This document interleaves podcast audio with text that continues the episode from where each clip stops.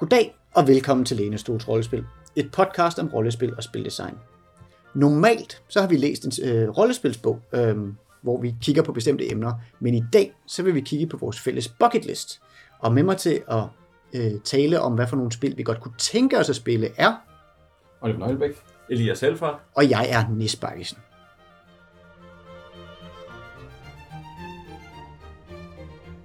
Og så skal vi måske lige sige til vores lyttere, der er nok nogen, der har lagt mærke til, at vi ikke er fire, som vi plejer at være. Og det er fordi Morten, han har desværre lagt sig. Han kommer aldrig op af brætspundsminerne. Nej, det gjorde han ikke. Så, øh, så vi må desværre klare os uden ham i dag. Og måske kommer hans bucket list som et senere supplement. Det ser vi lige på. Men nu til sagen. Elias, vil du ikke øh, fortælle os om et af de spil, som du har, som du håber på at komme til at spille?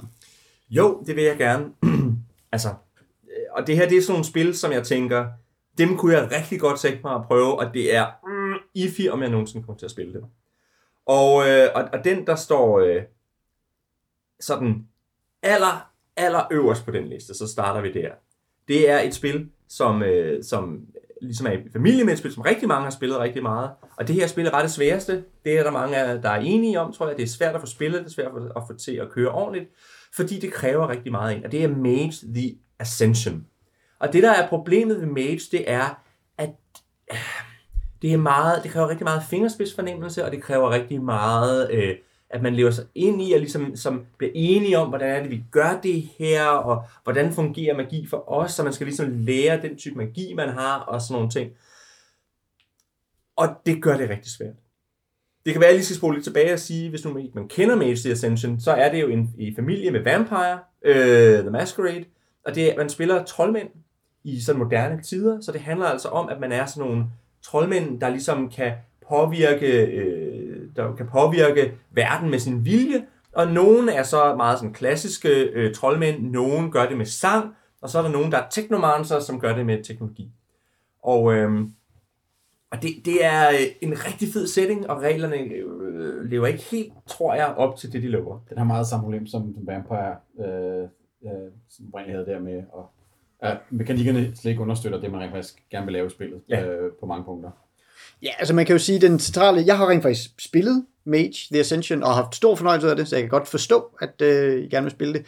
Men man kan sige, altså hvor i Vampire for eksempel, den centrale konflikt er den her menneskelighed, og ja, den var ganske rigtigt i hvert fald i det oprindelige øh, Vampire, måske ikke specielt godt understøttet, men det var dog på en eller anden måde sådan en eller anden grad af et afgrænset emne. Så i Mage, der er det jo, den måde man laver magi på, er jo basalt set, at man, ja, som du siger, påtvinger virkeligheden sin vilje, og det kæmper virkeligheden så imod. Og så er det så netop de her paradigmer, som kæmper mod hinanden og sådan noget. Så, så det der med, at når hele virkeligheden på en eller anden måde er på spil, så, skal, altså, så kan reglerne, hvordan selv laver man regler for, at man kan lave om i virkeligheden? Altså, det er bare, Og så Svært. synes jeg, jeg synes i virkeligheden, øh, når jeg kigger på det regelsystem, de har lavet, så, så synes jeg ikke nødvendigvis, det klarer opgaven særlig godt. Fordi det de, det, de har gjort, det er, at man har ni sfæres. Og det er sådan set interessant nok, at det der med, at nogen er gode til at påvirke matter, altså sådan de fysiske ting, og nogen er gode til at påvirke forces, altså energier i verden, ikke? Og så videre. Men, men den måde, de så har delt det op på, er ikke, at man kan nogenlunde det samme, men så mere og mere, men det er, at du, og du låser op for nogle bestemte powers på forskellige niveauer i de her sfæres. Og, og det er ikke alt sammen, der giver mening. Altså for eksempel kan man sige med forces, hvis ikke du har forces mindst 3, kan du ikke skabe forces. Så det vil sige, så skal du altid finde på en eller anden undskyldning for, hvordan du omformer en force til noget, fra noget andet. Og det gør det enormt kringlet at skulle lave de der spells på en eller anden måde.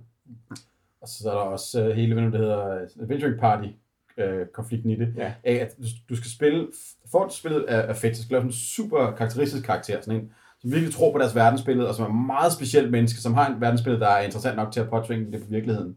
Og dem har du altså så et par stykker af, som skal prøve at arbejde sammen i, i sådan et øh, rollespilsgruppe. Ja. Det er sjældent nemt at få det til at lave sådan dynamikkerne til at, at, at være meningsfyldte og, øh, og, sådan, og, Ja. og solide, synes jeg. Ja, nu, nu kan man sige, nu, nu, nu er vi meget hårde ved, ved, ved Mage. Det er for ligesom at forklare, hvorfor det her måske er et spil, der er svært at få til at få, få spillet. Jeg synes måske også, vi skal sige lidt, at det, det er et spil, som jeg tror, vi alle tre synes er enormt fedt. Ja. Mm. Og det er det, fordi på grund af den verden, der på en eller anden måde ligger i det, og den der fornemmelse af netop at være will workers, der, der, der bøjer verden, og hvor man skal både øh, have, man skal både forholde sig til dagligdags ting og, og, og menneskelige ting, men samtidig med også med, at universet bøjer sig omkring, hvad man gør, og at der er sådan en stor kosmisk konflikt om verden. Ikke? Jo. Så det er det der, det der spænd på en eller anden måde, der er, der er en del af det, der er fedt ved det i hvert fald. Jeg synes også det der med, altså, at, at, at muligheden for at påvirke den, den almindelige verden i en mere fantastisk retning, er sådan ret fundamental, øh, som rollespil i hvert fald, øh, drift. Ikke? Det, man vil gerne gøre verden lidt mere magisk. Og det er jo det, man, man selv gør i spillet. Man får lov til at gøre verden lidt mere magisk gennem sine kræfter. Det synes jeg også er, Ja. er det, der lokker for mig. Og så synes jeg, at de har lavet en rigtig fed verden. Og man kan sige, at ver- verden i Vampire, den er fin. Men jeg synes her, altså, der er ni traditioner, hedder de. Det er ligesom de, dem, der i hvert fald i, i, i den gamle version var the good guys. Og de er alle sammen virkelig distinkte og rigtig fede. Så er der øh, teknokratiet, som også Uh. består af nogle, nogle bestemte øh, retninger, som også alle sammen er virkelig distinkte. Og Skurkene. det, det, er dem, der, det er dem, der, det er en af skurkene Ja, en af skurkene, ja. som vist nok i, i Mage 20, eller den, øh, vil de vist nok gøre dem lidt mindre til skurke, men det er stadigvæk, i de gamle Ja. dage var de i hvert fald skurke. Ikke? For så er der jo også Nefandierne, som er sådan, de er nogle, de er, nogle, de er rigtig skurke, det er sådan nogle Ja, djævle, ja, ja. djævle tilbedere. Og, Ja, og sådan mere, at de både dreje sig over sådan noget djævletilbeder, de kan også lidt være sådan de, øh, hvad man siger, de, sådan, de kutuluide, ikke? Altså Ja. ja. det, dem, der påtvinger et paradigme, som ikke længere kan forstås af, af mennesker og sådan noget. Altså. ja. Um, Jeg har bare bedst kunne lide teknologiet, fordi det ligesom handler om, om ensretning af tankerne, og ja. maskini, maskinisering af menneskemasserne, ikke den meget klassiske... og det er jo meget sådan 90'er på en eller anden måde, sådan 90'er øh, mentalitet med, alting skal, er ved at blive ensrettet, og, og teknologien er ved at overtage det hele, men er der, er der ikke plads til menneskelighed og åndfuldhed og så videre mere. At det er lidt den, øh, den mentalitet, der ligger gemt i Mage. Mm. Øh, og det er sådan lidt, øh, hvad hedder sådan noget, det er sådan lidt, lidt øh, en, stereo, ikke en stereotyp, en kliché, når man, når man ser det. Men det er fedt, fordi en kliché kan man arbejde med.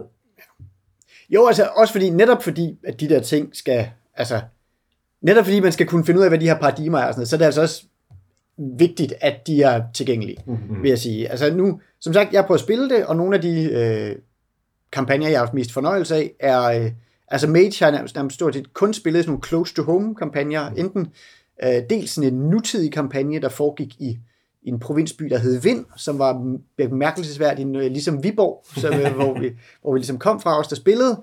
Um, og fordi øh, netop det der med at få det close to home, gjorde sådan, at jamen, så var selv de små mirakler, man, altså at, at det at dreje virkeligheden lidt, var stadigvæk fantastisk på en Ja. eller anden måde. Um, og så spillede vi en, øh, en anden øh, senere kampagne, som var sådan, hvor vi sat i 2. verdenskrig, og hvor, øh, hvad kan man sige, nazismen var så en front for Nefandi. Um, øh, fordi det den dels passede det fint ind med den her, hvad kan man sige, altså det her Thule-Gesellschaft, og alt det her okkultisme, som man ligesom, som er en del af sådan standard øh, nazi-law, eller hvad man skal sige, det, det kunne man ligesom fylde mere ind i. Og det løste også lidt det der problem med, at ja, vi havde hver vores paradigme, ikke? altså vi havde sådan ligesom den, øh, den øh, kabbalistiske jøde, og vi havde den, øh, øh, den unge opfinder, som var sådan øh, en, en sons of either, som var, hvad kan man sige, sådan, den ga, det gale videnskabsmænds par, del af, par, af sådan de, the good guys og sådan noget. Altså, men hvor man, fordi den, fordi den ydre fjende var så klart defineret, og fordi det, der var ved at ske, var så forfærdeligt, så var det ligesom okay, at man kunne godt ligesom stå inde for sit eget mm. paradigme, men uden at man ligesom skulle tr- trumfe det over for hinanden. Ikke? Altså, at, at derfor det virkelig ind i den der konflikt, og så samtidig var det så ligesom, det foregik simpelthen, jeg gik på universitetet i Aarhus, så så var det ligesom så sat i, øh, i Aarhus, så man igen havde den der sådan close to home, og man havde sådan hele, øh, hele besættelsen som sådan metafor eller illustration også af, af paradoks, og det der med ligesom at blive holdt på plads og sådan nogle ting. Så, um, så det, gav nogle, det gav nogle fine redskaber til ligesom at få, give noget, der sådan sat styr på de der ting. Og så det med at få selve reglerne for magien til at, altså og selve regler, de, de mekaniske regler der, det var så sådan lidt mere fast and loose, og det handlede virkelig mere bare om at få etableret den sociale kontrakt. Ja. Jeg synes, det er værd lige at, at, at sige, der er jo der er jo et par andre versioner af Mage, som også er lidt interessante. Der var det, der hedder Mage The Sorcerer's Crusade, som foregik omkring oplysningstiden, og, og ligesom er noget med starten på, på hele det her skisma mellem teknokratiet og så videre. Det har jeg spillet en lille smule på sådan nogle kontonejer, og det synes jeg på en eller anden måde virkede lidt dårligere. Og det tror jeg handlede om, at min forståelse af, hvad der er dagligdags i, i, på det tidspunkt, og, og hvad, hvad, der er, hvad der er indenfor, hvad man, hvad man tror på, er mere vag. Så på den måde var det, Ja. var det sværere at spille. Og så kan man også sige, at Mage er jo i virkeligheden en videreudvikling af der, hvor, hvor alt det med Vampire og Mage startede, nemlig Ars Magica, som er en, en, øh, en helt anden, men også rigtig interessant øh, sådan type rollespil, hvor, hvor det de gør, det er for det første, var det de første steder, hvor man har mere end en karakter. Man har nemlig øh, som udgangspunkt to karakterer, plus nogle delte bipersoner, altså nogle mindre bipersoner. Man har en troldmand og en companion, og så er der det ved det, at troldmændene de skal bruge månedsvis på at sidde og læse bøger, så det vil sige, at det vil ofte være sådan noget med, at der måske kun er en eller to af companions troldmænd med, og så nogle companions og nogle af de der grokker, som de vist hedder, Ja. de, de små Almindelig dødelig. almindelige dødelige. Så det er en helt anden måde at lave en kampagne på, end det vi er vant til. Og det lyder også rigtig interessant. Er, Og det, er- det er jo så det, øh, der så senere var med til at også blive til systemet til Vampire, som så blev til systemet i Mage. Men det var Mage, og, øh, og det er jo et, som vi vist alle tre øh, synes er interessante, og som Nis har spillet. Jeg har spillet nogle, sådan bitte små konting i det, men ikke noget ordentligt. Så det er derfor, den, den stod på min liste. Nis, hvad, hvad stod der på din liste? Ja, men hvis jeg skal vælge, altså igen, som du selv sagde, at det er jo ikke nødvendigvis nogle ting, man regner med at komme til at spille, men det er sådan nogle, der går og lokker, og også noget, som jeg har stående inde på mine hylder og ting og sager. Og et af dem, jeg, jeg har pillet ned fra hylden, og som jeg, jeg gerne vil gøre et eller andet ved, det er øh, Burning Empires, som er en, øh, ja, altså det er science, øh, science fiction udgaven, eller en, en science fiction setting til det, øh, altså der, der findes et fantasy system, der hedder Burning Wheel, Ja. som er, øh, ja, hvad kan man sige, det er sådan et generisk fantasy-system af en forstand, um, som, øh, hvad hedder det, og som, som også er blevet lavet i, brugt i light-udgaver i for eksempel i Mouseguard, ja. øhm, og sådan nogle ting og sager. Og så er der så blevet lavet det her øh, øh, fantasy, eller øh, undskyld, science fiction øh, udgave af det, som er, øh, som har taget en setting fra nogle tegneserier, der hedder Iron Empires, øh, som handler om, øh, øh, ja, og, og, og så har de puttet det over i, i Burning Wheel-systemet.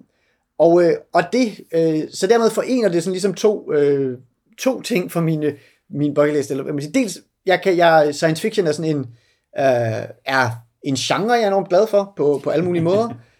Um, og jeg, øh, jeg vil rigtig gerne spille mere science fiction rollespil, end jeg gør. Um, og, øh, øh, og så Burning Wheel vil jeg, altså jeg har prøvet at spille Mouse Guard, og øh, har haft sådan en okay, men ikke sådan en fantastisk oplevelse med det, og vi, vi spillede det heller ikke, altså noget af det, der sådan, øh, øh, noget af det, som Burning Wheel i hvert fald har, og Burning Empires har, det er, altså, det er, at udover sådan kernesystemet i, i sin resolution mekanik, så har det også øhm, nogle, øh, nogle ret, øh, altså det, det laver også, også ret øh, stærke, eller i hvert fald detaljerede systemer om, om hvad kan man sige, sådan kampagneflow og udvikling og erfaring og sådan nogle ting. Altså. Så det vil sige, at man sætter sig ikke bare ned og spiller en session af Burning Wheel, um, og så har man oplevet Burning Wheel. Man skal ligesom, man skal møllen igennem med og prøve at se, hvordan man udvikler sig, og øh, fordi det er sådan et, øh, altså det er jo et, øh, det er jo et højt grad sådan et system matters system, der, der gerne vil, altså hvor du, du skal ikke bare sådan spille Burning Wheel halvt, eller hvad man skal sige. Du skal ikke bare, om så ruller vi terningerne, når vi lidt har lyst til det og sådan noget.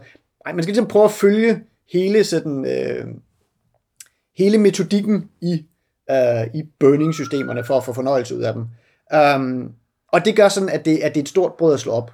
Og, øh, og specielt i Burning Empires, der er sådan en, en lang, altså der, man planlægger sådan en, en hel ark om, hvordan, altså det, den grundlæggende konflikt er altid, at man er sådan menneskene mod i nogle invaderende parasitter, øh, som, altså sådan, det er sådan nogle orme, som bor sig ind i folks hjerner, øh, øh, og så på den måde ligesom overtager folk. Øh, og, øh, og så er det ligesom den konflikt om, hvordan, hvordan går det med den her planet, eller hvordan går det med det her, den her gren af imperiet, eller et eller andet, med, når parasitterne kommer, kan man holde dem tilbage, og hvad, og, og hvad gør man, og sådan nogle ting. Så.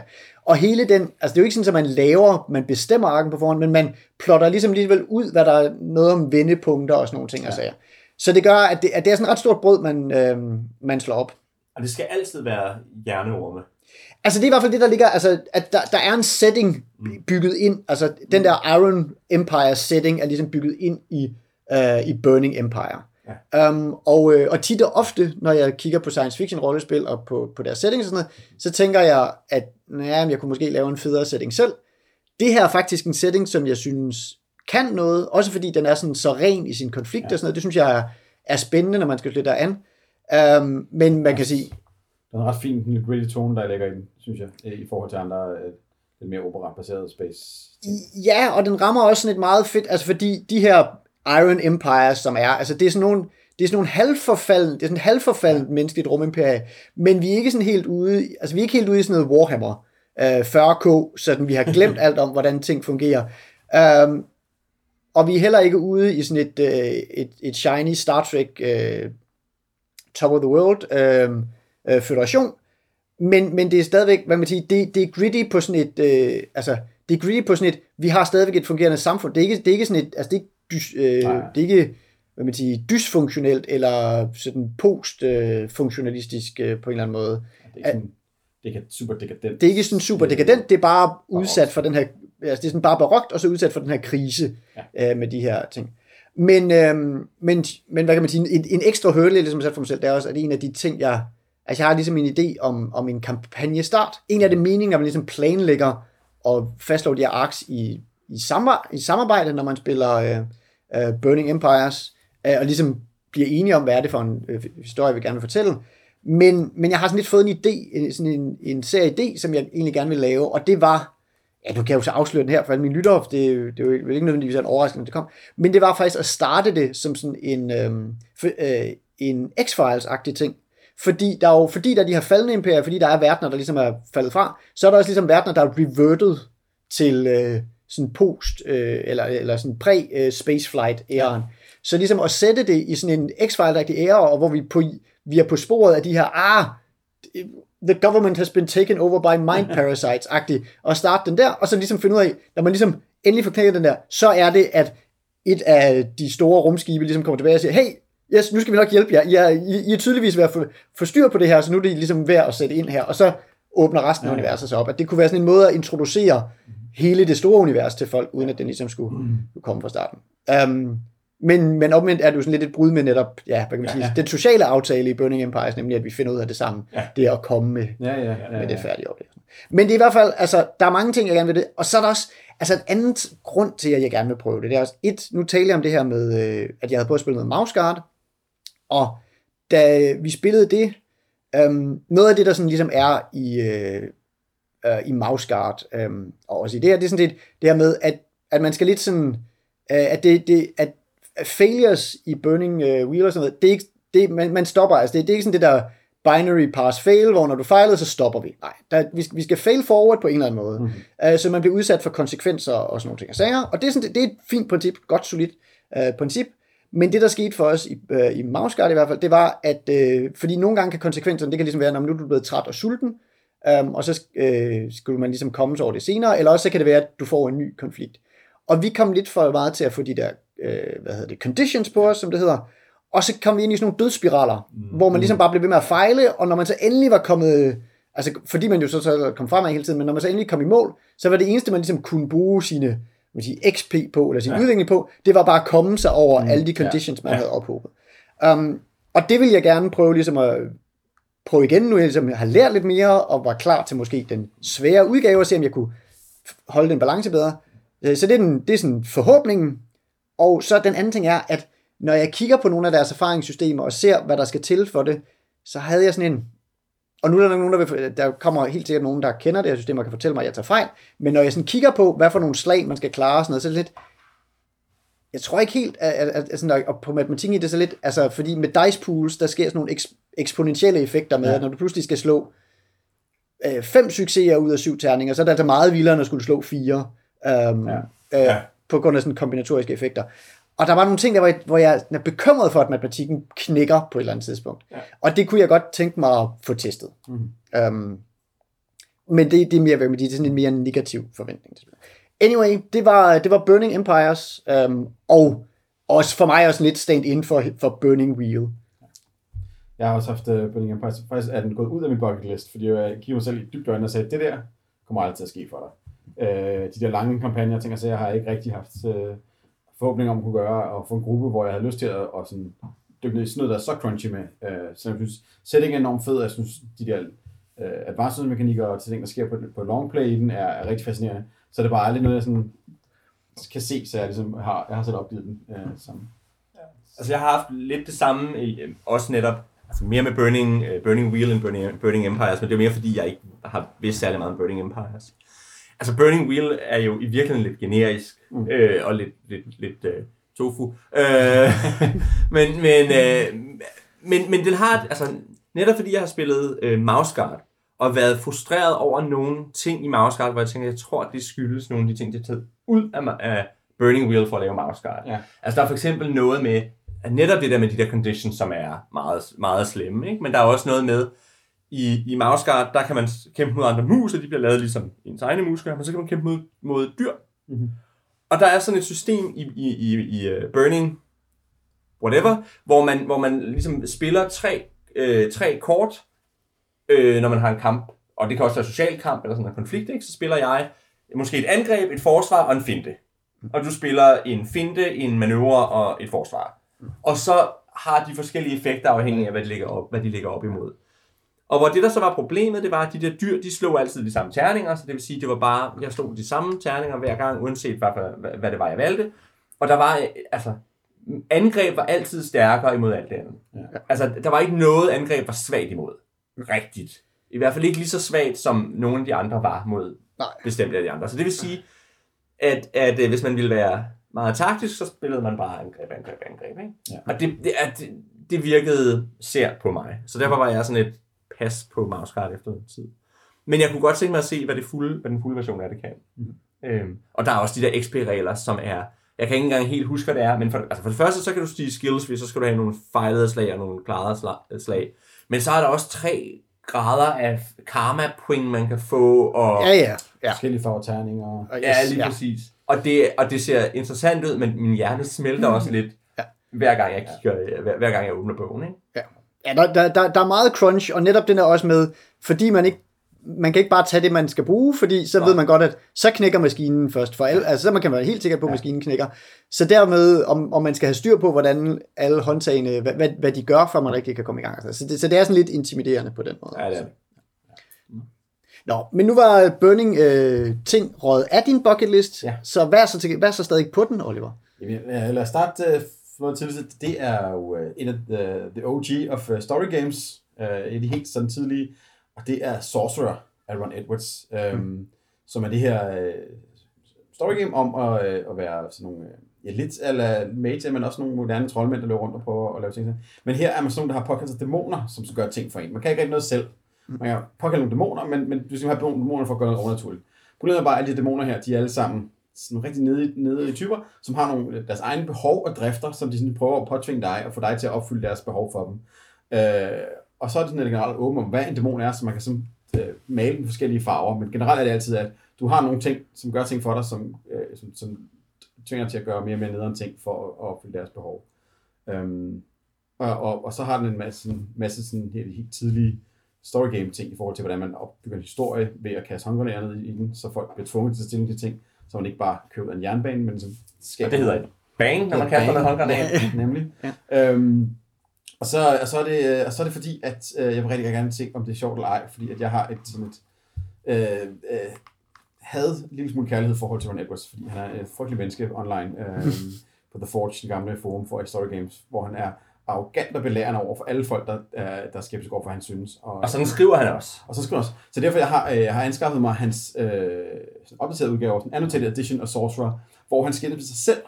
For så kan jeg simpelthen sidde og se ham øh, skille sig selv ud for, hvor dum han er. Det, det giver mig sådan lidt varme i maven, at se ham fortælle sig selv, hvor, hvor dum han er. Men jeg synes også, han, jeg synes også, han siger, at det her det er jo det eneste, der dur på en Ja, han er meget sådan skråsikker i, øh, i forhold Ja. til, hvad, hvordan ting skal være, og det, det er ret sjovt. Men øh, jeg kunne at prøve det, og få, se, hvad det er, at det rent faktisk kan øh, Ja. på den tidspunkt, og prøve det af, og se, om der er hold i det. Og, og man kan sige, hvor Mage meget er fokuseret på, uh, hvor fantastisk alt det her er. Ah, så fokuserer Sorcerer meget på, at man er i en nedadgående spiral på en eller anden måde. Ikke? At, at du, du får skudt dig selv i foden. Du er en, en dødsspiral øh, spillet på af dæmoner, som gerne vil have til at gøre mærkelige ting og sådan noget. Ja, Men det er også bare fedt, fordi systemet kan rumme nogle ret kreative fortolkninger af, hvad en dæmon er. Øh, om det bare er en stemme i hovedet, eller om det er en øh, øh, 3 meter høj teknorobot som, øh, mm. med, med atommissiler. Det passer sådan set ind i systemet, hvis det er det, man er enig om, passer ind i systemet. Øhm, så den har sådan meget, meget vidrækkende, hvor det handler om de der narrative elementer øh, Ja. i sidste ende.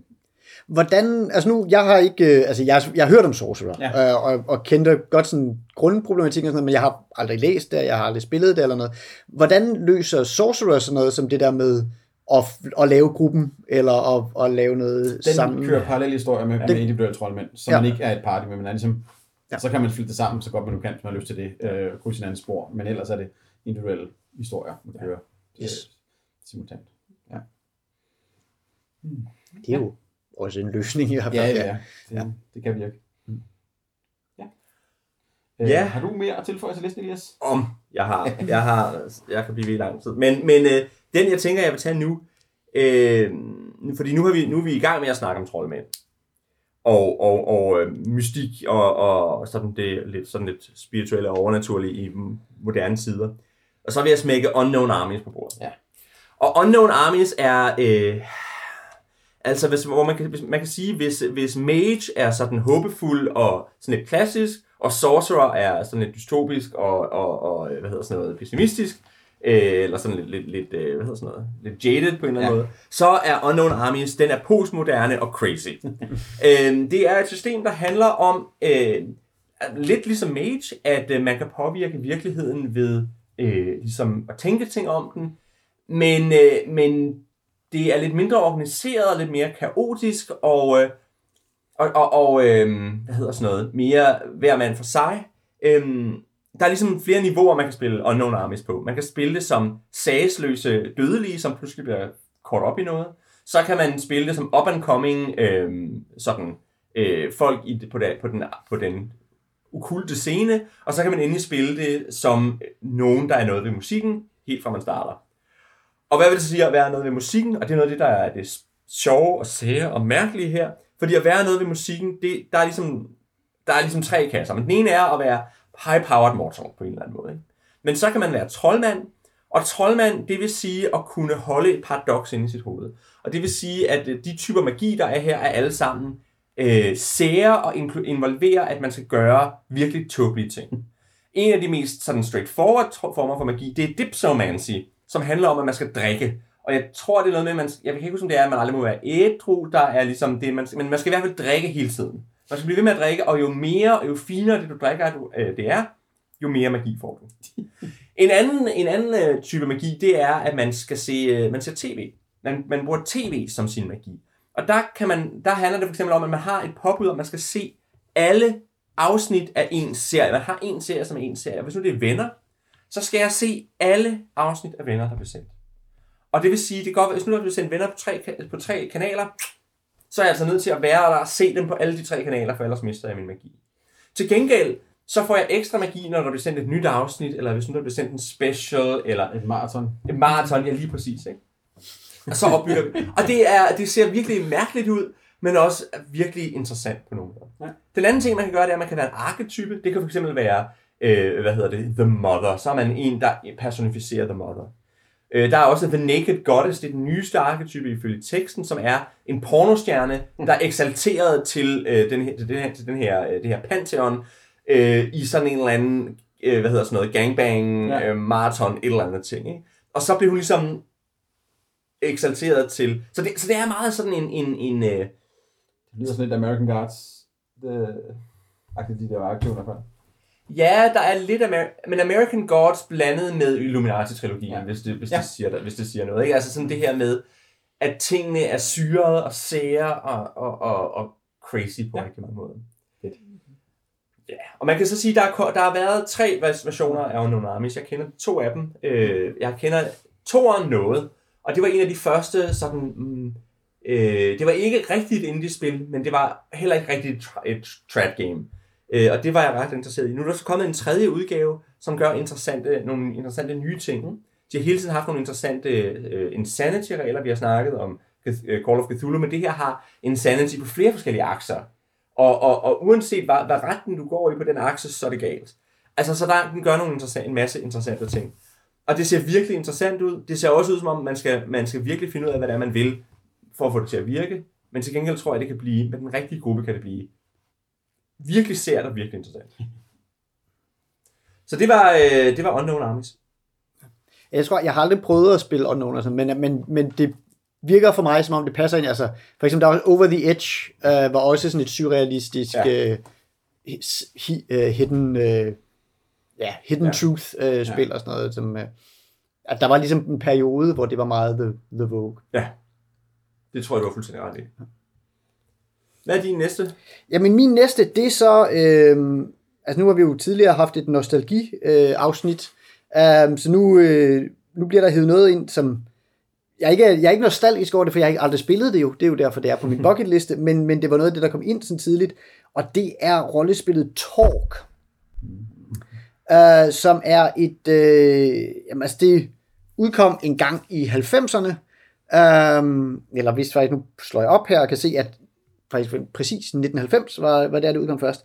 Og det handler om, det, det er sådan et uh, near future, eller the near, uh, the near now, som det hedder, uh, uh, sted, hvor en masse uh, kosmiske overlords har clashet hver deres paradigme ind i, uh, ind i den uskyldige jord, så nu er der pludselig alle mulige mærkelige ting, uh, der foregår på jorden. Uh, så nede i Ægypten, der er de egyptiske guder tilbage, og, og det er sådan noget, øh, øh sådan noget magi. Øh, hele England er blevet til øh, sådan en øh, Merlin øh, medieval øh, fantasy-agtig ting, øh, hvorimod at i, øh, at i Japan er der selvfølgelig gået fuldt tryk på, på cyberpunk-dystopien um, og sådan noget. Så, og alle de her paradigmer kæmper sig mod hinanden i den her setting, i, the so, de såkaldte possibility wars.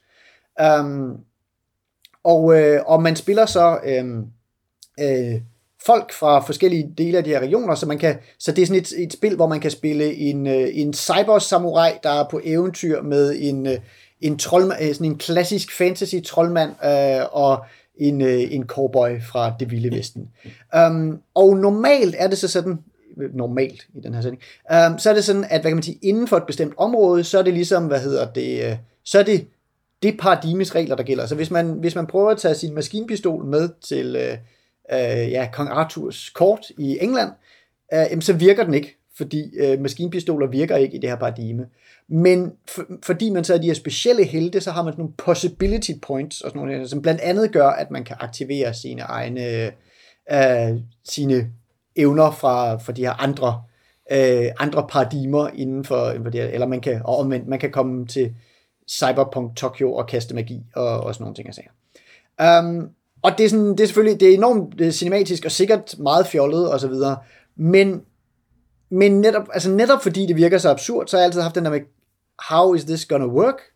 Um, at, at, at det er sådan en, det, det er sådan en, øh, hvad kan man sige, ske, sådan, skeptisk, ja, den skeptiske ting er sådan, hvordan virker det her? Det vil jeg gerne se øh, i aktion. Og så har jeg også været fascineret af, hvad kan man sige, at det var øh, et system, der havde, øh, dels havde de sådan nogle, øh, det er sådan nogle dramakort, man kunne spille, øh, som, øh, jamen, altså, som dels kunne være sådan, hey, nu kan jeg dramatisk klare den her kamp, men det kan også være sådan noget, øh, du er i virkeligheden, øh, den, ham vi står for, er i virkeligheden min nemesis, eller min, øh, min ekskæreste, eller altså, så, altså så, så det var også sådan noget, der havde at gøre med historien, altså det var også, ja, for et spil, der sådan, ellers var sådan ret tidligt, og var på mange måder traditionelt, ud over sin setting, så, så havde det ligesom mange af sådan nogle, altså det havde meget sådan noget plotspil, og, og satte øh, plot ind som mekanik, og også de her possibility points var også ligesom en måde at trumfe igennem, at man gerne ville et eller andet af plottet. Ja. Um, og det drev de faktisk også endnu længere, fordi det var også sådan, så hvad kan man sige, der er jo mange, øh, mange forskellige verdener, der har metaplots, øh, hvilket vil sige, de her øh, verdener, der udviklede sig efterhånden, som de udgav nye øh, settingbøger. Og sådan noget. Det, øh, det ser så man i Vampire, som har et stort komplet megaplot. Øh, Shadowrun er også berømt for sit, øh, sit megaplot, øh, metaplot, der ligesom øh, vælter derud af. Men i Torg, der havde de faktisk sådan en ting med, at man kunne øh, skrive tilbage og fortælle, hvordan det var gået en i sine forskellige kampagner. Altså, så, man, så de lagde op til, at der på en eller anden måde øh, var sådan en, øh, en adgang for indflydelse fra spillerne til at påvirke det her. Altså, så, så metaplottet var ikke, som det nogle gange godt kan opleves, lidt den her sådan, det her tog, der kommer trumlende, og hvis man, og enten så må man bare ignorere, at det kører videre, og så kan man så bruge halvdelen af den her nye sourcebook, man har brugt, fordi resten handler om det nye metaplot, eller også så må man ligesom retconne sin egen kampagne, for nu ligesom at få det her, det her nye ting med.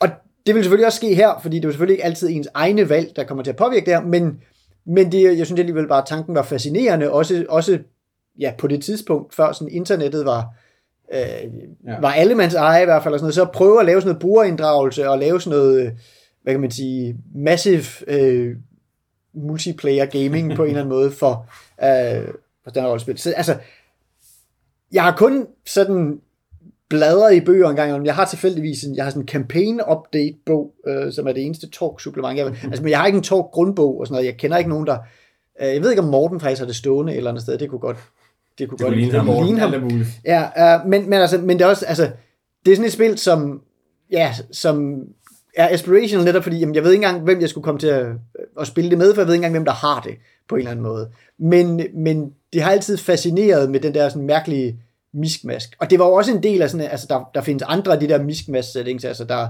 Palladium øh, lavet Rift setting, mm. som også er sådan en, et vældigt øh, mundret rod af dimensionsportaler, man kan vandre igennem og ryge ind i forskellige ting og sager. Um, og, øh, og der var sådan den mere nede på jorden udgave, sådan noget som øh, øh, hvad er det Dreamscape, eller der, der, var, der var sådan et, som var sådan et Westworld-agtigt ting, hvor man var i sådan Dream Park, hvor man ligesom var i sådan en, øh, en, en, en amusement park, hvor man jo så kunne gå rundt imellem forskellige dele af den her amusement park. sådan. Altså, så det var ligesom også en ting, der var der i, i 90'erne, ja. um, og lave sådan nogle mashup uh, settings på en eller anden måde. Men, men Torg var en af dem, der ligesom, der gjorde indtryk. Ja. Har du mere på listen, Oliver? Ja da. Jeg har et øh, rollespil om, øh, om at være teenager. Øh, med alle de der genvordigheder, der kommer med det. Med venskab og kæresteri og ting og sager. Der er bare det problem med det her rollespil, er, at man er, øh, man er spider. Det er ikke problemet med sp- Problemet er, at man er en spider for, øh, Warszawa-oprøret øh, under en verdenskrig, som var øh, byen Warszawa, som går op mod nazisterne, da de var besatte. Og øh, spoiler alert, gik ikke særlig godt. Øh, de prøvede at bryde fri, øh, men den røde her ventede bare på, at oprøret brændte sig selv ud, og nazisterne vandt, fordi de gad ikke rigtig have alle de der øh, kække polakker tilbage. Så øh, det går ikke så godt for de her unge mennesker, så mange af dem kommer til at dø i sidste spillet. Men det handler nemlig om at, øh, ungdommens us- uskyld øh, over for, for kynismen i, øh, i at være en øh, guerillakriger. Øh, og det er også sådan et indie-spil baseret til kampagnebrug. Øh, man spiller igennem en, en fast historie. Hvad hedder det? Det hedder Grey Ranks. øhm, det er også et af de der komiske ja. indie-spil. Ja. Øhm, men, øhm, men ja, det, er, øh, det er rigtig, rigtig fint, fordi det er sådan meget tight design story øh, game om de her teenager og deres øh, personlige konflikter øh, og historier i den her større metaplot, som det så faktisk Ja. ja. er, ikke? men som påvirker, at Man kan sige, det der er forhåbentlig trods alt ikke et metaplot, Nej, fordi det det man, altså de fleste ved måske, ja, spoiler Ja, ja. alert, man ved, hvor, hvor det bærer hen, før man går i gang. Ja. Så det er meget sådan en fint øh, indrammet historiefortælling. Det vil jeg rigtig gerne prøve, for det er sådan sådan alvorlig øh, tag på de her teenage-dramaer, som Ja. ja. er lidt mere dystre. Det kan jeg godt lide. Fedt. Så, ja, altså der, altså der er mange, der, er- jeg er jo, ja, det lyder spændende, altså jeg har jo, jeg er jo selv sådan lidt, i, i teenage drama der mangler jeg jo stadigvæk at have spillet for sådan noget som Monster Hearts og sådan ja. nogle ting, jeg sagde, som jo, øh, ja, som jeg ved, at øh, du blandt andet har spillet en del, Spillet. Øhm, øh, så øh, så det, det, er nok, det vil for nok for, for mig være første skridt ind ja. Ja. i teenage-genren, for jeg havde brug for at få sådan en ekstra øh, Warszawa-depression oveni. Øh, men jeg kan godt forstå... Øh, Det er af de sådan, første sådan, alvorlige rollespil, der tager et historisk emne op og behandler den alvorligt. Ja. Der er mange af dem, jeg snakker om nu her, som tager og laver sådan gonzo-udgaver af Ja. ja. historien, og, eller laver fantasy-udgaver af den. Men det her er som sagt, nu spiller vi noget, der er historisk Ja. ja. korrekt, mm. øh, og som er tematisk baseret på noget historisk, Ja. ja. øh, og, og, en alvorlig historisk episode. Ikke? Og der er kommet nogle flere til siden hen. Der kommer flere til siden, men- men det her- Light Witches for eksempel, Ja. og... Ja. Øh, De ligger meget i den her tradition efter. Ja, jo, og spione er vel også, Ja. kunne man også godt Og sige, var i den genre, ikke? Altså, ja. Øhm, Men det har også nogle meget, meget fine ting, som at sådan hver spilgang bliver indledt med en øh, oplæsning af en tekst fra sådan en radiotransmission om, hvordan det går i, øh, i oprøret fra den øh, frie radio og sådan noget. Okay. Så der er ligesom en, det, er så det der hovedplot, der kører i baggrunden. Og så Ja. ja. er, det, er det så sådan rigtig historiske, eller er det bare, at man... jeg laver tror, de, de en- er inspireret af den historiske øh, Okay. udvikling i... Øh, det er nogen, der står i bogen. Nu står i bogen, som Yes. yes. læser op hver gang. Ja. Okay. Og som ligesom rammer sig det hver spilgang i den der Ja. par måneder, hvor de har, de har frihed. Ja, Elias, vil du øh, tilføje? det vil jeg. Øhm, nu har vi snakket lidt om, øh, om metaplot. Og øh, tilbage, i, tilbage i slut 90'erne, der øh, kulminerede White Wolves øh, metaplot. De, øh, de lancerede simpelthen en, en historie i alle deres øh, linjer, hvor de øh, fik verden til at gå under. Ja. Men da det kom til Wraith, som jo er deres øh, spil, hvor man sætter spøgelser, der, der oppede de den lidt. De udgav simpelthen et helt separat spil, der handlede om det her. Og det spil hed Orpheus. Og Orpheus var specielt, i hvert fald for, for den tid, ved at det var en, øh, en, en spilrække, der ligesom var designet til at være en afsluttet række af bøger. Der udkom en grundbog, og så mener jeg, der udkom 6-7 sourcebooks til den. Som, hvor hver sourcebook fåede nogle flere regelmaterialer til, men så avancerede den også metaplottet. Så i den første, der spiller man sådan nogle agenter for sådan et, øh, for sådan et, øh, et, et, et firma, hvor øh, plottet var, at de havde fundet en måde, hvorpå at man kunne øh, ligesom forlade sin krop og blive spøgelse på for en tid. Og de havde også entreret med nogle spøgelser. Øh, så, så man var altså sådan nogle øh, molder og skolde, hvis de, hvis de kunne blive til spøgelser. og øh, og det, det var øh, allerede der at være solgt, det synes jeg lød fantastisk fedt. Og så udviklede øh, Metaplottet sig, og jeg har læst alle de der bøger, og jeg synes, det, at det var vildt fedt. Der er bare det problem med det, at du skal, det, hvis du skal spille det hele igennem, så skal du starte med bog 1 og bevæge dig igennem alle de der øh, 6-7-8 bøger, der var. Og, øh, og du skal alligevel spille et par sessions eller et par missioner i hver, øh, i hver fase, så det var altså at sige, at det, det bliver pludselig til en relativt lang kampagne, man skal spille for, for at opleve det hele. Og så godt tror jeg heller ikke, at det der system nødvendigvis var. Det var bare historien, der var pissefed. Og, og også altså, nogle af de ting, der ligger... Det synes jeg generelt for øh, World of Darkness, at de laver, eller for, for White Wolf for deres efterfølgere i Onyx Path, at de laver nogle oplæg til karakterer og historier, der er fede, og så er reglerne mere eller mindre gode. Øhm, men Orpheus var i hvert fald pissefedt, både for den historie, de lagde op til, og, den, og de, øh, de karakterer, man kunne spille, og, og den måde, hele historien var lagt op på. Og det var noget, hvor jeg tænkte, det kunne jeg enormt godt tænke mig at prøve at spille. Jeg, jeg tvivler bare på, at der er nogen, der har den samme kærlighed til det, som jeg har, og som ville have lyst til at, at spille den, hele den der kampagne igennem. Øh, men det er noget, som har stået på min, øh, min liste lige siden det kom ud dengang. Øh, der, der, er I, kender I det overhovedet? Jeg, jeg, jeg, jeg kender det, øh, jeg, og jeg har faktisk, altså jeg, jeg har været med i en Orpheus-kampagne, jeg nåede at spille en spilgang, øh, så, øh, og havde egentlig glædet mig, og, og jeg vil sige sådan, i forhold til reglerne og sådan noget, så det er i hvert fald, min oplevelse var, altså det, det er i hvert fald mindst lige så funktionelt som alt andet uh, World of Darkness. ja, helt Jamen, altså, og, og, ja, ja. Og, og jeg kan sagtens forstå, at der bliver grinet, fordi der, der er bestemt grund til at øh, synes, at der er nogle dysfunktionelle ting, specielt i den der første uh, generations World of Darkness, altså sådan også bare sådan helt mekanisk.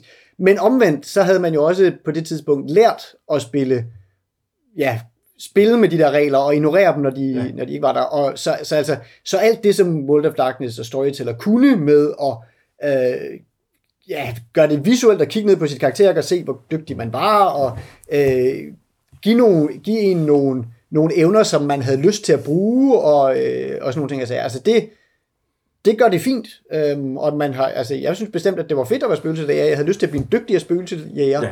og det nåede vi så bare aldrig. øhm, og så er det også, altså, noget af det, der også var det fede ved det, var jo den historie, der var, der var lagt an til, som jo er, altså overførelse af historien om, om ham her, der mister sin, sin, sin øh, kæreste, sin kone, sin, sin elskede, og så tager han ned i dødsriget for at hente hende ud. Så der er den der rejse ned i dødsriget og ud igen. Ja. Og den er der på alle mulige planer, også i, i det her. Og det er en, det er en, en, en historie om hybris og fald og alle mulige ting. Så, øhm, så, så der var mange fede ting ved Orpheus, øh, som, jeg, som jeg rigtig godt kunne lide. Øh, så ja, så, så er, jeg synes, der, er meget, der, der var meget af White Wolf, som har været rigtig interessant, men det der er noget af det, som jeg har ja. virkelig, e, efter Mage, så er det nok det, jeg har haft mest lyst til at, ja. at prøve at få på bordet. Så. Spændende. Mm. Ja. Og jeg tror, at jeg vil, sige, jeg vil sige, at det har alligevel også, altså et, jeg tror godt, at du kan finde nogle folk, der, ja. der ja. har en kærlighed til det. Og to, så, hvad kan man sige, altså vi snakkede lidt om det med Burning Empires, og det der med at skulle slå en stor kampagne op og sådan noget, det kan være hårdt og sådan noget. Men omvendt, det er trods alt at vide på forhånd, jamen det er den her størrelse, og den, ja. og den, hvad man siger, den er skrevet, vi har ikke bare lavet en aftale om, at den er så lang, men den er faktisk skrevet, så vi kan også, vi, vi kan ligesom ret præcist vide, hvor langt vi er i den. Altså, det tror jeg kunne hjælpe på, ja. at, når man, at hvis man ligesom først fik sat holdet, så vidste man i hvert fald, hvor man var, og man vidste også, okay, Nå, nu nåede vi så til bog 2, og nu har vi ikke energien længere, men fair nok, så kan vi, så kan vi alle sammen læse resten, eller et ja, eller andet. Altså, at den også på en eller anden måde tilgængelig for alle, ja. og få afsluttet på en eller anden Altså, ja. at Og noget af det, det jo så også gjorde, det var, altså de powers, man har, hvis nu man spiller vampire, så får man discipliner i dots. Men det man gjorde her, det var, at enten har du en power, eller også har du den ikke. Det de så derimod gør, det er, at hver gang der kommer en ny bog på, så bliver der fået enten nogle nye powers til, eller nogle nye ting, man kan med de powers. Ah. Så level up'en ligger også ligesom i... I at åbne de næste bøger. Det Lige præcis, ja. er jo sådan et legacy-spil. Det, det er det i nogen grad, ja. Det er det. Så, ja. så det, var, det er en af dem, jeg også har, har stående på min bucket list. Nis, Yes. jeg kan øh, se noget, rum, noget mere rum derovre. Ja, jamen der er mere, altså science fiction er som sagt en af mine, en af mine yndlingsgenre, og øh, ja, måske, jamen som sagt, jeg får ikke spillet så meget, så derfor har jeg en tendens for at købt en del science fiction rollespil. um, det her er så faktisk ikke, det her det er et, jeg har lånt af Morten, øh, som vi jo også lige fik talt om, hvor meget han har liggende i gemmerne forskellige steder. Uh, men det er Mindjammer, The Role Playing Game. Um, og øh, ja, et, så kan jeg jo nævne, øh, det vil måske glæde øh, øh, Elias, at øh, sådan Core Mindjammer, det er faktisk bygget på Fate. Um, og det er fordi, at selvom jeg jo i tidligere afsnit har sagt, at jeg synes Fate var noget færdigt tofu, som jeg ikke, ligesom, som ikke gav mig så meget, så handlede det jo i virkeligheden om, at jeg synes, at Fate selv, der skulle jeg man jo ligesom levere det hele, fordi der var ikke noget setting, der var ikke noget hænge alt op på. Der skal ligesom, ja, der skal søje rundt. Men, men med Mindjammer får jeg jo en setting. Ja. Og så har jeg noget at hænge det her op på, og så har jeg noget, hvor jeg kan begynde at skille, hvad de forskellige effekter er. Sådan noget. Og så kan Fate være en, en okay engine. Det er stadigvæk ikke sådan den engine, der, der for alvor for My Engine Revving, men, altså, men, men det, kan der, det kan virke fint. Og der findes så i øvrigt også, og det er nok det, jeg vil ende med at bruge, der findes en, øh, øh, en Traveler-udgave af Mindjammer også, øh, som bruger øh, Traveler-systemet, øh, som er et andet øh, science fiction rollespil, som jeg dog endelig har fået spillet. Så, øh, um, no. Men Mindjammer er, um, det foregår i den her setting, hvor øh, øh, jorden har været, har, man har eks- ekspanderet i rummet af flere omgange, øhm, og man er nu i gang med øh, den fjerde generation af ekspansion, eller hvad man skal sige. Um, og, og det har været sådan nogle, så har vi ekspanderet, og så er ting faldet fra hinanden, og øh, så ekspanderer man fra jorden igen, og så finder, gen, genfinder man pludselig i anden omgang, så finder man øh, resterne af tidligere kulturer derude, og øh, så kollapsede man igen, og så kom man igen, og så fandt man nogle rester af nogle rester af nogle ting, og man fandt nogen, der havde overlevet for en gang. Og der, altså, så der er sådan en, øh, der er sådan en hel masse menneskelige kulturer derude, øh, som man støder på. Men, øh, og det er, sådan en, det, det er sådan en ting, som man har set i mange, øh, både science fiction historier og i science fiction rollespil, at det her med, at menneskeheden er ekspanderet, så er der faldet det fra hinanden og sådan noget. Det, der måske er lidt sjovt i den her i det er, at her, jorden er stadigvæk det centrale. Øh, eller altså, jorden er stadigvæk ligesom centrum for menneskehedens øh, civilisation. Um, at den er ikke bare blevet glemt, eller, øh, eller, blevet, eller gået ned om hjem. Den er, den er rent faktisk stadigvæk, øh, stadigvæk det centrale. Um, og så er det, um, der er rumvæsener i den her setting, om, øh, om man møder dem og sådan noget, men det, øh, der sådan ligesom er kludet her, det er, det er så, at, øh, at mellem de her fald og genopbygning og sådan noget, så ændrer kulturer sig jo. Og det er sådan culture clashes, der er. Og det, som Mindjammer er, øh, i virkeligheden på mange måder, eller sådan som jeg læser Mindjammer, det er, hvis I kender den science fiction, der, øh, der hedder The eller Culture Series Iron Banks, ja. um, som er det, det, det, det er sådan noget science fiction, der det foregår så i The Culture, som er det her hyper avancerede menneskelige samfund, hvor øh, ja, basalt menneske, menneskene lever i sådan noget sådan pampered utopia øh, ting og sager, øh, fordi AI'erne klarer, øh, klarer alt muligt, um, men en gang imellem sådan ude i periferien, så er der nogle agenter ude at løse et eller andet, um, når de møder ja, andre øh, alien empires og sådan nogle ting og sager.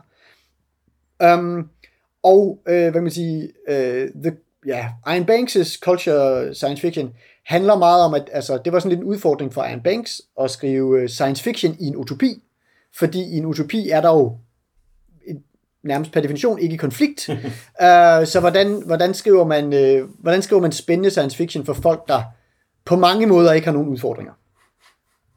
Um, og det kan man så sige, at, at, at det laver han så lidt et cop-out på, fordi han jo så netop tager derud i periferien, hvor der så alligevel er ting og sager, eller de bliver sendt ud som agenter i nogle øh, andre kulturer. Og sådan noget. ting. Men de kommer i hvert fald fra det her samfund, hvor alting dybest set virker. Um, og der i Mindjammer, der er det lidt den, den samme ting, at jorden er som sagt stadigvæk centrum, så jorden er, øh, jorden er den her utop, øh, utopi og, og, og kan mange ting. Um, men det man så ligesom har fundet ud af, at noget, at noget af det, der er lidt til de her sammenbrud og sådan nogle ting, jeg sagde, det er, at, øh, at kulturclashes er farlige for begge kulturer og sådan nogle ting, jeg siger. Så derfor øh, skaber, har, har øh, hvad kan man sige, jorden ligesom, øh, eller sådan den kultur, der er om jorden, den er ligesom begyndt at lave de her sådan, øh, hvad kan man sige, kulturgradienter, ja. som de så fint beskriver det, med sådan ligesom at forme kulturerne omkring sig, sådan langsomt ud af. Sådan, så der ikke kommer for hårdt et clash nogen steder. Og sådan, Ingen hårde grænser. Ingen, ingen, ingen alt for hårde grænser. Og man er så, øh, hvor, øh, ja, hvor de i øh, The Culture Series, der hedder de øh, øh, Special Operations, eller et eller andet, øh, Special Circumstances, tror jeg, de hedder, Ja. de agenter, man er der. Um, og, og her i, der er man, øh, der er man hvad hedder det, Culture Agents, øh, som er ude og lave sådan kulturmanipulation. Altså det, er- det er sådan set, ja. det er ens opgave, um, at lave kulturmanipulation, og netop at, at, at ramme den der balance mellem, at okay, vi skal, vi skal lige, altså, ikke, altså det er sådan lidt, øh, det er sådan lidt ligesom at være CIA-agent og skal rigge det her valg, det- men nu skal man sådan lige rigge den her kultur, sådan så, altså vi kan, vi kan ikke få den helt over på vores side, fordi så ligger den hårde grænse bare et andet sted. Øh, og så bliver vi lige være stadig, den skal lige, den skal lige være der, der på grænsen, hvor det nok er bedre at installere sådan et diktatur, øh, som, er, som er pro os, end at, end at få de der kommunister ind. Men, øh, men, men vi kan ikke lige, vi kan ikke opgradere dem til demokrati, for det er de ikke klar til. Um, og sådan noget. Altså, um, ja at, at, dels så synes jeg, det er meget sjovt spændt ligesom at lave det der med, ja, I er heltene, og, eller agenterne for jeres, øh, for jeres kultur, men det I gør, altså man kan, man kan godt se det sådan, som, som værende lidt øh, kosher. Og så igen har de formået at lave det der med, jamen I kommer fra sådan en hyperciviliseret øh, og hyperavanceret civilisation, og kommer egentlig lidt fra den her utopi, men der er altså et arbejde, der skal laves derude, og det er ligesom, altså, og, og, og de har lavet en fiktion, hvor det sådan nogenlunde giver mening, at, øh, altså, det er et okay paradigme at arbejde med, og, og man kommer også ind i det der med, at øhm, jamen, hvordan kan vi gøre den her, det her genkendeligt? Jamen, det kan vi ved, at de kulturer, som de så opererer i, det er så nogle kulturer, der ligger tilpas tæt på vores flawed nutidskultur til, at vi ligesom kan, kan forstå dem og forholde os til dem. Så jeg synes, at det er en, det er en ret spændende science fiction setting, de har fået lavet, og, øh, og ret sjov. Og i forhold til sådan regelteknisk i forhold til det der med Traveler og sådan noget, så er det også meget sjovt, at i Traveler grundsættet, det, der er man sådan typisk nogle afdankede, øh, øh, ja, sådan, ja, pensionerede øh, tidligere øh, rumfolk, der er ude så nu at være selvstændige erhvervsdrivende og sådan ting. Og her får man ligesom lov til at tage det samme system, og så dial det op til, at nu er vi altså James Bond-agenterne. Nu er vi kompetente. Nu er vi kompetente, og, øh, og har custom AIs til at gøre ting og sager for os. Og sådan noget, ikke? Altså, det er også sådan et, det er sjovt at se et system, jeg nu kender, i, et, i et andet take. Fedt. Så. Og det er faktisk, det er måske af dem, øh, ja, jeg har på min bøjeliste, at nok det, jeg bedst kunne forestille mig at komme til at spille, fordi jeg forestiller mig, at ikke bare kan det køre som sådan et one-shot, det vil muligvis være nemmest endda at køre det i sådan et one-shot. Ja. Um, at, og selv hvis man gerne vil spille det igen og igen, tror jeg ikke, det er nemmere, altså tror jeg ikke nødvendigvis, det er godt at spille de samme agenter igen og igen, men det er nemmere at gøre sådan noget, jamen, som igen, nu refererer jeg til culture-bøgerne igen, altså de handler også hver gang om nye hovedpersoner, ja. Så det kan godt være, at man hører lidt om det, der skete i en anden bog og sådan noget, men, men det er ikke sådan en kontinuitet, uh, fordi det netop, den måde man også kan få hele galaksen med, er at springe rundt i den og mm-hmm. se. Så. Det kan du også komme mig op til, tror jeg. Det lyder Ja. enormt fedt i forhold til det. Ja. Jeg var lidt bekymret for de der transhuman ting og sager, og det bliver normalt noget, noget, noget værre fedteri i rollespil. Men det lyder til, at de, de, de har fået en måde at... Altså i hvert fald har de, har de et paradigme, hvor man netop ja. Ja. ligesom kan passe det ind, tror jeg. Um, Det, det at være nogle benspænd, som gør det lidt mere interessant end bare Ja. ja. alt er muligt. Ikke? Ja, også, og hvor man kan tale om det, men uden at det behøver at være i spil, fordi, og man kan, ikke ligesom, man kan ikke bruge det som løsning lige nu, og det handler ikke så meget om, det er ikke sådan et prime directive, som er en, sådan en kunstig regel, men mere sådan en, men mere sådan en regel om, at sådan virker sociologi på en Ja, eller anden ja, måde i det her ja. verden, at vi bliver altså nødt til at lave de her, øh, vi kan ikke bare gå ind og løse alle deres problemer, vi bliver nødt til at have det her gradientspil. Så jeg, altså, jeg har sådan en god forhåbning, men jeg har jo ikke spillet det, så Nej. Ja, så tror jeg, jeg vil følge din, øh, din retning nu her, og også tage et uh, relativt nyere sci-fi-rollespil, i stedet for det der 90'er uh, paradigme-rollespil. Men, uh, men jeg vil gerne uh, tage uh, et svensk uh, sci-fi-rollespil, baseret på 1001 Nat, uh, som hedder Coriolis, uh, som er basically sådan Arabian Nights in Space, er deres tagline. Mhm. Ja. Og, og som foregår i den her setting, som er øh, sådan, ja, fremtiden øh, med koloniseret stjernerne, og så er der gået noget galt, og så, øh, så sidder de derude i deres egen lille øh, arm, arm af galaksen, og har de her verdener, der er forbundet nogle porte i sådan et lille fint øh, system. Men det der er, er, at der er en masse spændende kulturer i den, som er en, nogle nye gamle kulturer, som de her First Come øh, hedder de, som er sådan nogle øh, oprindelige beboere, og så er kommet et koloniskib landet ind øh, fra længere ind i, i galaksen, med nogle helt masse nye, lidt højere teknologiniveau øh, kolonister, som alle sammen også gerne vil bo der samtidig, som regnede med, at der skulle de bare bo, og der var ikke nogen andre, der boede der i forvejen. Så er der sådan et kulturlag øh, oven i hinanden, hvor at de sådan, gamle traditioner versus øh, ny sådan en effektivitet, lidt mere sådan corporate øh, mm-hmm. øh, ting. Og så, øh, og så kører den med sådan en enormt lækker øh, low-tech supernatural ting, men der er noget i mørket, men det, altså, det er mere i niveau med øh, de der øh, ånder i flasken, der ligger klar, hvis du falder over det forkerte ud i mørket. Ikke øh, sådan super meget overnaturligt, ellers er det bare rumskib, der flyver rundt og, og handler med hinanden på forskellige planeter. Øhm, og det er sådan en super lækker stemning. Det, altså, det, længe siden jeg, jeg købte en rollespilsbog, og så bare sidde og binge den fra, fra, fra side 1 til side øh, 500. Ja. For det var det, der jeg fik den bog i hånden, så øh, grafikken er lækker, det er sådan moderne abstrakt, øh, lidt abstrakt concept art, og sådan setting giver jeg lyst til at spille med i. Øh, og så det der øh, svenske ligaen system, de kører ja. med, øh, som jeg ikke har nogen anelse om er godt eller ej, men, men det er ja. heller ikke så vigtigt, fordi det er bare ja. settingen, der man så enormt lækker. Øhm. Og det er jo en fætter til uh, Tales from the Loop, ikke? Ja, og ja. Uh, Mutant, Year Zero og ja. alle de her ting. Altså, ja. I hvert fald system Systemet er i hvert fald ja. derfra. Der er ja. ikke noget sådan setting overlap overhovedet. Nej, øhm, nej, nej, nej. Men det, der er også sjovt ved de spil, det er jo, at hver af de spil har deres egen sådan mekanik, reroll mekanik, mm-hmm. øhm, hvor at, jeg kan huske, hvad det er i, i Loop, der er noget med at være Altså, i, noget, man kan, ja. uh, i, i The Loop, der, altså den primære reroll-mekanik uh, i The Loop er, uh, at man er heldig, ja. og, og der er det sådan, at jo yngre man, altså man kan sige, The ja. Loop handler jo meget om børn, og derfor handler det om alder, og, og jo yngre du er, jo heldig, jo mere held har du at gøre med, til gengæld er du ikke så kompetent. Ja, ja. Uh, det er sådan den ene reroll-mekanik, og så er der, og ellers så er der så også det her med ligesom at være, altså man har ligesom sin egen kompetence, ja, eller ja, ja. sin, uh, som man ligesom står på, og man, Ja. Det er med det, heldig. Men for den her er nemlig sådan, at, at der skal man uh, bede til ikonerne, som er den her religion, der er i den her verden, som man meget smager af sådan noget uh, politistisk, uh, ortodox religion med masser af røgelse og guld. Mm. Øhm, men så kan man bede til de forskellige ikoner, og så får man lov til at reroll sine terninger. Mm. Kan så giver spillet nogle mørke kræfter og sådan noget. Men det, uh, det er super fedt, at jeg har store planer om at gøre det, fordi det er sådan en saftig setting. Ja. Uh, og, og enormt markant, uden at jeg føler, at jeg kommer til at træde på noget etableret plot der er noget metaplot øh, hentet af den, men det er slet ikke noget, som er så, så stærkt, at jeg bliver sådan intimideret af det. Nej. Det, bare sådan, det behøver jeg ikke have noget med at gøre. Jeg vil egentlig hellere lave lidt mere sådan low powered, og så to vi bare rundt og lidt mere sådan, eller ja. Firefly, eller, eller det behøver ikke gå helt øh, Nej. Nej. løs verden. Så det, øh, det er min næste. Ja. Fedt. Jamen det er også, altså jeg har, det er sådan et af dem, der også har spøgt for mig, eller hvad man ja. skal sige, og, og fanget min interesse, fordi det er science fiction jo også. Og så også, jamen nu har jeg spillet Tales from the Loop, ja. øh, og haft en udmærket oplevelse med det der Free League system. Skal også til at spille Forbidden Lands, håber jeg, um, som er sådan deres fantasy uh, pendant mm-hmm. og så videre. Og så, vil, og, øh, og så nu du nævnede øh, 1001 Nat, så har jeg, altså jeg har haft stor fornøjelse af for eksempel at spille ADD's 1001 Nat, ja.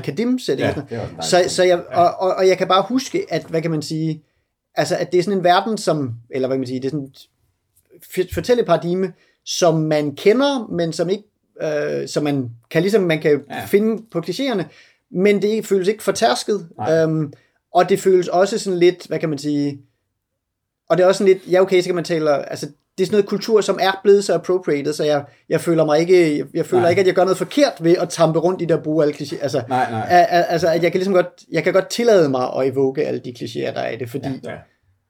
det er ligesom blevet appropriated nok, og de, din kultur, der er stærk nok til at stå på egne ben. Og Nå, men, men man kan sige, hvad hedder det? Tales of the Raven Knight er jo en, ja, ja, altså, det, det, en fransk jo, jamen, det, er netop, det, det, er netop det, der er ligesom opfør, ja. den bliver nærmest opfundet som appropriation, eller ja. hvad man skal sige. Ja, så det er ligesom, det, det er vores orientalisme, der der er på spil på en eller anden ja. um, Men det er også bare, altså, jeg kan også ja. lide, at det er ikke sådan, der er ikke noget som om, at det er araber, der er flot ud i rummet eller noget mm. Det er bare stemningen, de har ja. taget ja. øh, og, og, og, og, lagt, altså, ja. lagt ned over. Det hele den der følelsen af, de fortællinger, de lægger op til, der ligger i det, som er i det. Så ja. der er heller ikke sådan noget, man skal ikke, altså, nej, nej. Ja, prøve at være ramme noget korrekt. Det er mere nej. bare, det, det kan jeg også godt lide ved den. Ja.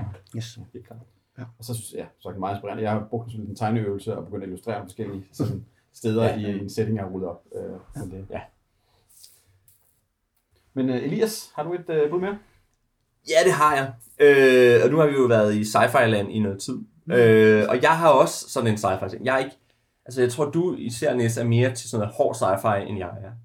Men, øh, men jeg har et sci-fi rollespil, som jeg, som jeg har haft sådan en, en, en, et, et, en varmt sted i mit hjerte for, og jeg, jeg er ikke sikker på, at jeg nogensinde får det spillet, fordi så godt tror jeg heller ikke, det er. Men, øh, men det var sådan tilbage i 90'erne, der var der det, der hed TSR, øh, som var før de blev købt af White Wolf, Jeg er ikke Wolf, øh, Wizards of the Coast, det er noget med W, det er derfor jeg... Øh, øh så, så, øh, ja, så, så før TSR blev købt af, af Wizards of the Coast, der øh, lavede de Dungeons and Dragons, som jo var en, en lidt generisk øh, system til at spille fantasy-rollespil i. Og så tænkte de, vi skulle da tage og prøve at se, om vi ikke kunne lave et generisk system til at lave sci-fi-rollespil i. Og det blev så Alternative. Og, øh, og det betød, at det lancerede sådan set uden en, øh, uden en egentlig øh, setting, men med nogle regler til at lave settings med. Og de regler er sådan set rigtig fine, og grundreglerne har et godt, et, et godt sted imellem meget crunchy og ikke særlig crunchy, som jeg synes virker rigtig fint. Men det, der også var rigtig fedt ved Alternative, det var, at ligesom øh, Dungeons Dungeons Dragons også lancerede med nogle settings, så lancerede de også Alternative med nogle settings. Og der var, der var en, der hed Gamma World. Den sagde mig ikke særlig meget. Men de to andre var begge to rigtig, rigtig fede. Den, der sådan sagde mig mindst af de to, men som stadigvæk var rigtig fed, hed øh, Dark Matter. Og øh, var sådan en lidt en, en, en cirka, fra, cirka nutidssætning, lidt eller X-Files. Det var meget X-Files. Det var meget Rumvæsensdelen af X-Files, ja. øh, som rollespil, det var... Ja. Jo, men det var jo også i virkeligheden alle, de, al, al resten af X-Files bare, at det hele blev, blev ligesom ja. fortolket som enten noget, der var rumvæsener, eller øh, nogen fra andre dimensioner. Ja. Så, så det, blev, det blev meget sådan en science fictionificering af alt de X-Files. Øh, og det, den spillede jeg med et par gange til sådan noget kon noget, eller sådan på ungdomsskolen, men aldrig sådan i dybden. Den anden setting, som nok var den, jeg selv var, var mest interesseret i, den hed Star Drive. Og den mindede på nogen måder lidt om sådan en, et mix-up af noget, en lille smule Star Trek, men så også en hel masse af noget af det, som så senere blev til Ashen Stars, øhm, hvor man har det her store menneskelige område, hvor der var forskellige menneskelige imperier. Der var The Empire of Sol, og der var øh, The Void Corp, som er den her øh, corpor- corporation, som er blevet til et imperie, og sådan alle mulige forskellige øh, varianter af, hvordan kunne man forestille sig et menneskeligt, øh, et menneskeligt imperie øh, rundt under stjernerne. Og de var alle sammen virkelig, virkelig fede. Og så var fortællingen den, at de havde været på vej ud på det, der hed The Verge, hvor det, som var ligesom var sådan en, en, ud, en front, øh, lidt væk fra resten af det menneskelige imperie. Så var der kommet en krig, som betød, at kommunikationslinjerne ud til The Verge var brudt ned, så The Verge måtte klare sig i, jeg kan ikke huske, om det var 50-100 år eller sådan noget den stil. Og nu kommer imperierne tilbage og siger, nå, nu er vi tilbage, nu må I hellere lige falde til patten igen. Og hvor dem der i The Verge siger, hvad for noget? Nej, det har vi da egentlig ikke tænkt os. Så det er den der øh, fortælling om igen, øh, at der er den der konflikt imellem de gamle og de nye, men også at de forskellige øh, jordnationer, de også strides lidt med hinanden, og, og, og, øh, og det var sådan en setting, som på mange måder, synes jeg, virkede rigtig interessant og med rigtig mange muligheder. Den havde den svaghed, at det var lidt svært at se, hvad kerneaktiviteten var. altså kerneaktiviteten var at rejse rundt imellem planeterne. Hvor man kan sige, hvis nu du spiller Dungeons and Dragons, så er kerneaktiviteten at gå ned i en hule og tampe nogen, eller gå ved et vildnis og tampe nogen og tage nogle skatte, eller... Altså, så der var ligesom en meget klar øh, kerneaktivitet. Eller hvis man tager Mindjammer, der er også en klar kerneaktivitet, ikke? Hvad, ja. er det, hvad er det, vi laver? Ja. Coriolis virker også, som om det har... En... Den har faktisk en rigtig fin sådan en, hvor man vælger en type af crew ja. være, og så er der også et skib. Men det er ligesom det, ja. er et skib, men så er der mange, altså, de ja. meget stemningsfulde øh, ja. arketyper med skib, man kan have. Ja. Og der må, man, der må jeg bare sige, øh, Alternity havde ikke rigtig spottet det der med, at de skulle fortælle, hvad, eller de skulle hjælpe en til at finde ud af, hvad kerneaktiviteten var. Og det var det største problem. Det var, at når jeg satte mig ned for at lave en Star Drive-kampagne, så var det altid, jamen, what's the point? Hvad laver man? Mm-hmm. At det var altid, det var, det, det, var, det var lidt svært at få has på. Det tror jeg, jeg ville have nemmere ved i dag, end jeg ville for 15 år siden, da jeg måske sidst for alvor overvejede, om jeg skulle køre en kampagne i det her. Ikke? Altså nu, nu ville jeg nok lidt nemmere kunne sige, åh, om det er det her, vi skal gøre. Ikke? Ja. Men altså, man kan så sige, det, jeg tror ikke, der var så mange, der var vildt interesseret i Alternity. Og øh, øh, der er så lige, jeg, jeg kan så lige sige, der er kommet en ny variant af Alternity, som ligesom opdaterer det til, ja. til. Og den er jeg ret interesseret i at kigge på det ser ud som om, den gør nogle interessante ting. De lavede de samme, som lavede det dengang. De har så bare ikke kunne få, øh, de har ikke kunne få alle settingsene med, fordi de er stadigvæk ejet af, af Wizards of the Coast. Men, men varemærket Alternative var ledigt, så de har købt varemærket, og så har de udgivet en ny Alternative-bog, som, som beholder nogle af tingene fra reglerne, og, og så laver nogle nye ting. Jeg har ikke læst den regel på, men den tror jeg, jeg skal prøve at få fat på, og så kunne jeg godt finde på at køre Star Drive i Alternative 2017, som vi kalder det. Fordi, ja. fordi det er sådan et af de der systemer, som jeg har, har sådan et varmt sådan et, et, et, et, et blødt punkt for i mit hjerte, ikke? helt tilbage fra den gang i slutningen af 90'erne, da jeg fik det første gang. Altså, jeg har faktisk aldrig prøvet det, og nu, men, men når du siger, at jeg har, altså, jeg er bestemt også til sci-fi, der, der handler om mennesker i latexmasker, eller, altså, som, som er den, den måde, jeg ligesom plejer at tale. Altså, for mig er det mere bare, at, altså, grunden til, at han nævnte de andre ting her, altså et, Burning Empire er sådan set også rimelig, øh, altså, det er også space opera, Ja. ja. genren, Ja, ja. Um, og så er det et spørgsmål om, at øh, jeg har tit ofte sådan den her ting med, at med, ja, hvad kan man sige, space opera settings kan jeg måske finde på noget selv. Um, og jeg er så ikke lige, jeg er ikke lige faldet over Alternatives, så derfor, eller jeg har godt set det på hylderne, men Ja. jeg har ikke sådan vidst, hvad det kunne, og derfor ikke ligesom har, øh, fået det taget ned. Og så har det også bare, enten taget mine, jeg kunne finde på noget selv, eller også så har jeg bare fået spillet alle mine, altså fordi jeg har flere udgaver af Star Trek stående inde på hylden, for eksempel, men dem har jeg jo fået spillet, så det var jo Ja. ikke bucket list spil. Nej. Uh, men, uh, men, jeg, men du kunne godt lokke mig til at spille, uh, spille Star Drive. Jeg har jo øh, stadig bøger stående hjemme. Jeg Har du det? til Alternity øh, på hylden et sted. Har du lånt mine, eller? Nej, det er min egen. Jeg, Er jeg samlede Ja. dem selv op dengang i 90'erne, Ja, fordi okay. at jeg, øh, jeg var glad for, for Dungeons Dragons, og jeg så, at de havde lavet det her sci-fi ting, og, øh, og det virkede ret solidt systemmæssigt. Ja. De der D20 plus et eller andet, mener det var. Ja. Ja, systemet det var sådan en, en finten i systemet var, at du rullede en D20, ligesom i, i Dungeons and Dragons, men så kunne du få, få modifiers, som var Ekstra terninger, ikke? ekstra terninger. Så hvis du havde bonusser, så, så rullede du to terninger og trak den ene fra den, altså så trak du bonusterningen fra det 20'eren. Hvis du havde en penalty, så, så lagde du penalty-terningen til det 20'eren, og så, øh, og så galt der mål lavt. Man kan bare huske, at jeg fandt dem, og jeg synes, det er enormt lækker øh, grafik i dem. Det Ja. er meget sådan øh, sammenhængende. Ja. Det var, Ja, øh, præcis. øh, det er en af de der kendte illustratorer, der Ja, jeg kan huske der har det. illustreret dem. Men anyway, øhm, de var nemlig rigtig meget sådan stemningsfulde, og så var det sådan relativt lavpraktisk øh, space opera, som jeg godt kan lide. Det var, det var lidt, lidt mere sådan nede på jorden Ja. space opera. Det var ikke øh, for fantastisk, ikke for mange lasersvær og sådan ting. Så det var meget sådan Ja. håndgribeligt i forhold til, at det skulle være altså, ude i rummet. Ja. Så jeg kunne rigtig godt lide også... Øh, Og, og grafikken øh, var helt sikkert også noget af det, der tiltrak mig. Øhm, og de havde sådan en fin finte med, at, øh, at der kom, udkom med to grundbøger, en Game Master's Guide og en Player's Guide, som man jo gjorde. øhm, og, og på spillerguiden, der var der sådan en rumsoldat, der står og ser sådan lidt efter ting som ud. Mm. Og på spillederguiden, der er der sådan en alien, det ligner lidt sådan en superbeing. Men hvis man satte de to guides sammen, så dannede de et billede. Ja. Og, og det, øh, det, virker, ban- det lyder banalt, men det virker faktisk rigtig fint.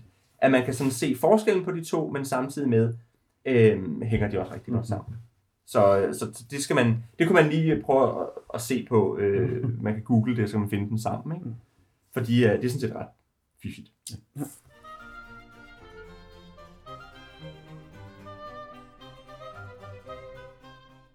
Det, øh, ja, nu skulle jeg til at sige, at det var alt for den, ja, fordi det var alt for denne gang. Det var ikke alt, hvad vi har i vores bucket list, overhovedet, øh, overhovedet ikke. Um, og vi har også tidligere lavet en poll, hvor vi har set, hvad vores, øh, hvad vores brugere har haft på, på deres bucket list og ting og sager. Um, så det her kunne godt være noget, vi vender tilbage til. Det kunne som sagt også godt være, at vi får, øh, får Morten til at, øh, at lave sin, øh, gennemgå sin liste, når han er kommet ud af brætspilsminerne og kommet sig igen og så videre. Uh, har tid til det. Um, men nu skulle afsnittet også have en, have en ende, øh, og vi er ved at løbe tør for bånd i, øh, i optageren og så videre. Um, så det var Oliver Nøglebæk. Elias Selfer. og Nis Bakkesen. Og det var alt for den gang. Og hvis I vil, Ja, og hvis I vil, hvis I vil, ja, selvfølgelig, undskyld, nu glemmer jeg helt min intro for, og outro, fordi det, jeg har siddet og slået ting op. Um, hvis I vil kommentere på det afsnit, så kan I finde os på uh, uh, Facebook, hvor vi hedder Lænestols Rollespil, både som gruppe og som side. Uh, eller I kan finde os på nettet på www.lænestolsrollespil.dk hvor med ædet stadig som AI. Um, øhm, og uh, I kan skrive til os på kontakt at lænestolsrollespil.dk um, øhm, Så burde jeg også komme med en smart kommentar jeg synes, vi har været smarte nok. For Vi har været smarte nok for den gang. Ja. Spanden er tom.